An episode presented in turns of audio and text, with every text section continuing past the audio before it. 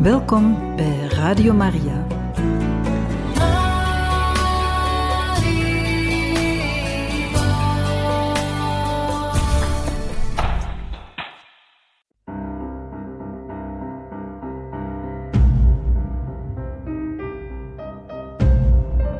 Het woord spreekt. Een programma van Radio Maria.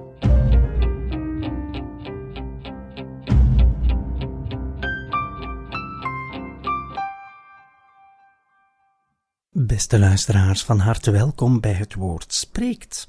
In onze lezing in de Handelingen van de Apostelen zijn we gekomen aan hoofdstuk 11, vers 27. In die dagen kwamen er uit Jeruzalem profeten naar Antiochië. Een van hen, Agabus geheten, kondigde door de geest aan dat de wereld weldra door een zware hongersnood zou worden getroffen. Dit is onder Claudius gebeurd. De leerlingen besloten dat ieder van hen naar vermogen zou bijdragen aan de ondersteuning van de broeders die in Judea woonden. Dat deden ze, en ze stuurden Barnabas en Saulus naar de oudsten om de opbrengst te overhandigen.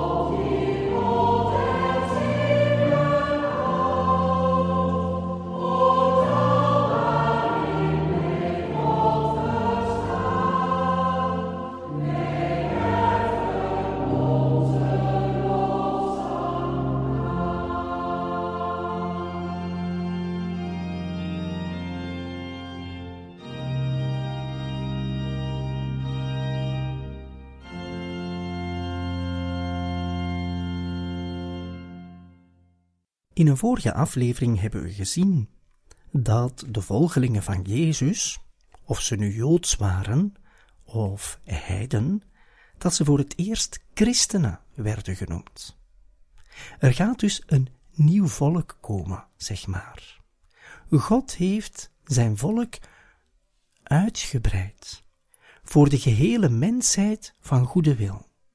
Iedereen kan christen worden als men Jezus lief heeft, als men Jezus wil volgen en in Hem geloven, in Zijn woord van liefde voor God en voor de naaste.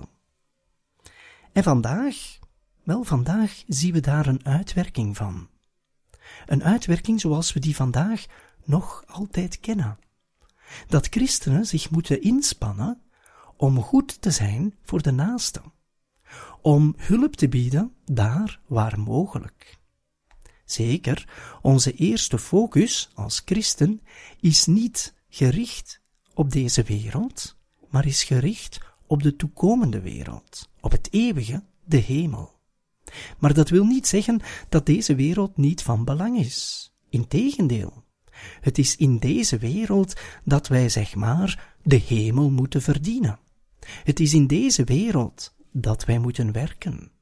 Was het zo niet voorzien vanaf het begin van de schepping dat wij moesten werken? En werken wel sinds de zondeval is dat gepaardgaand met vermoeidheid. Werken, ook goede werken, vraagt een zekere inspanning. En daarom moeten wij als mensen altijd die stap zetten om daarvoor te kiezen. Het is doenbaar, maar het blijft een keuze. Wij moeten kiezen om te helpen. Wij moeten ervoor kiezen om lief te hebben. Het gaat over een keuze, en natuurlijk gedreven door het geloof kunnen wij die keuze op een gemakkelijke manier maken. En nu zien we dat er een hongersnood is. De auteur van de Handelingen van de Apostelen zegt dat dit net gebeurde op een bepaald moment. Hij plaatst dit evenement in de tijd, in de geschiedenis. Dit gebeurde onder Claudius. Wel, in die tijd waren er ook rampen. Jezus was gekomen om de mensheid te redden. Maar natuurlijk, hij heeft niet alle rampen weggenomen. Ook hetgeen de consequenties, zeg maar, hetgeen dat verbonden is aan de zonde, heeft hij niet weggenomen. Maar hij heeft wel de zonde weggenomen, door de vergeving te schenken, komende van God. Er zijn gelegenheden gegeven aan de christenen, maar eigenlijk aan de gehele mensheid, om anderen te helpen, om in deze wereld anderen bij te staan en zich voor te bereiden op het eeuwige, waar de rampen geen plaats meer zullen hebben. Maar die rampen, zoals we ze vandaag kennen, kende men ook 2000 jaar geleden. En er was een zware hongersnood. En de leerlingen zo zegt de auteur van de handelingen, besloten dat ieder van hen naar vermogen zou bijdragen aan de ondersteuning van de broeders die in Judea woonden. Vandaag zien we dat eigenlijk nog. Wanneer er bijvoorbeeld ergens een aardbeving is, wanneer er ineens een grote armoede op een bepaald volk afkomt, dan moeten wij ervoor zorgen om steun te bieden om te ondersteunen, zoals de eerste christenen. En die eerste christenen die worden pas echt christen genoemd. En plots zegt die auteur onmiddellijk iets zeer effectiefs van wat een christen moet doen. Steun bieden daar waar nodig, ieder volgens eigen vermogen. En op het einde staat er, ze stuurden Barnabas en Saulus naar de oudsten om de opbrengst te overhandigen. Van Barnabas werd reeds gezegd dat hij een ziel was met veel geloof. In vers 24 van hoofdstuk 11 lazen we: Hij was een voortreffelijk man, vol heilige geest en geloof. Barnabas was dus een man die Christus volledig wilde volgen. En dat uit zich dus ook in die naastenliefde. Hij zal degene zijn die wordt gestuurd om de anderen bij te staan, om de opbrengst van, zeg maar, de collecte te gaan overhandigen. En dat doet hij samen met Saulus. Saulus, die we later zullen kennen als Paulus. We hebben hem reeds tegengekomen in de handelingen van de apostelen. In de eerste plaats niet zo mooi, wanneer hij de christenen vervolgde, maar daarna tijdens zijn bekering en tijdens zijn eerste openbare optreden als prediker, als degene die het evangelie verkondigt.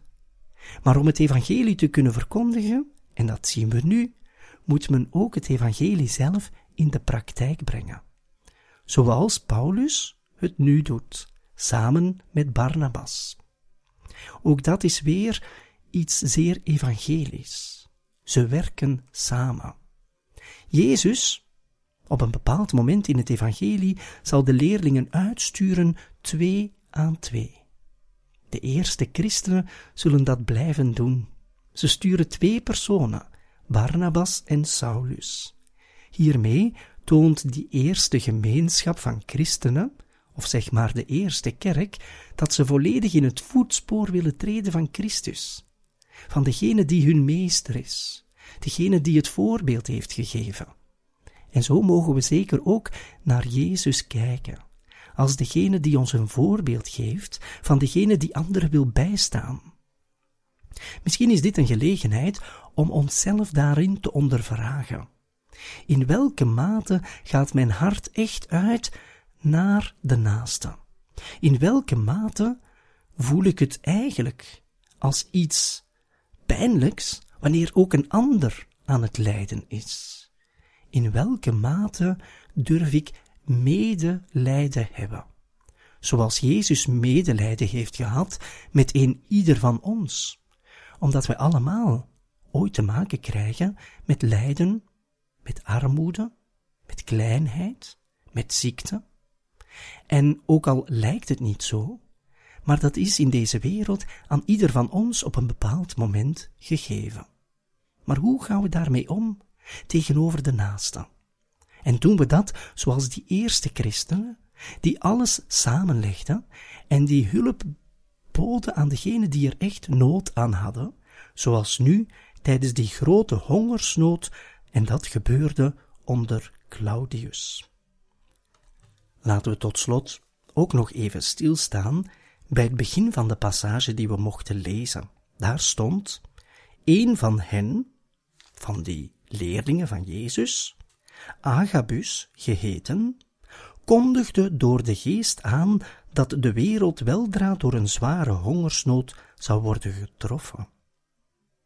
Vroeger, voor de komst van Jezus, zag men dit altijd als een straf van God.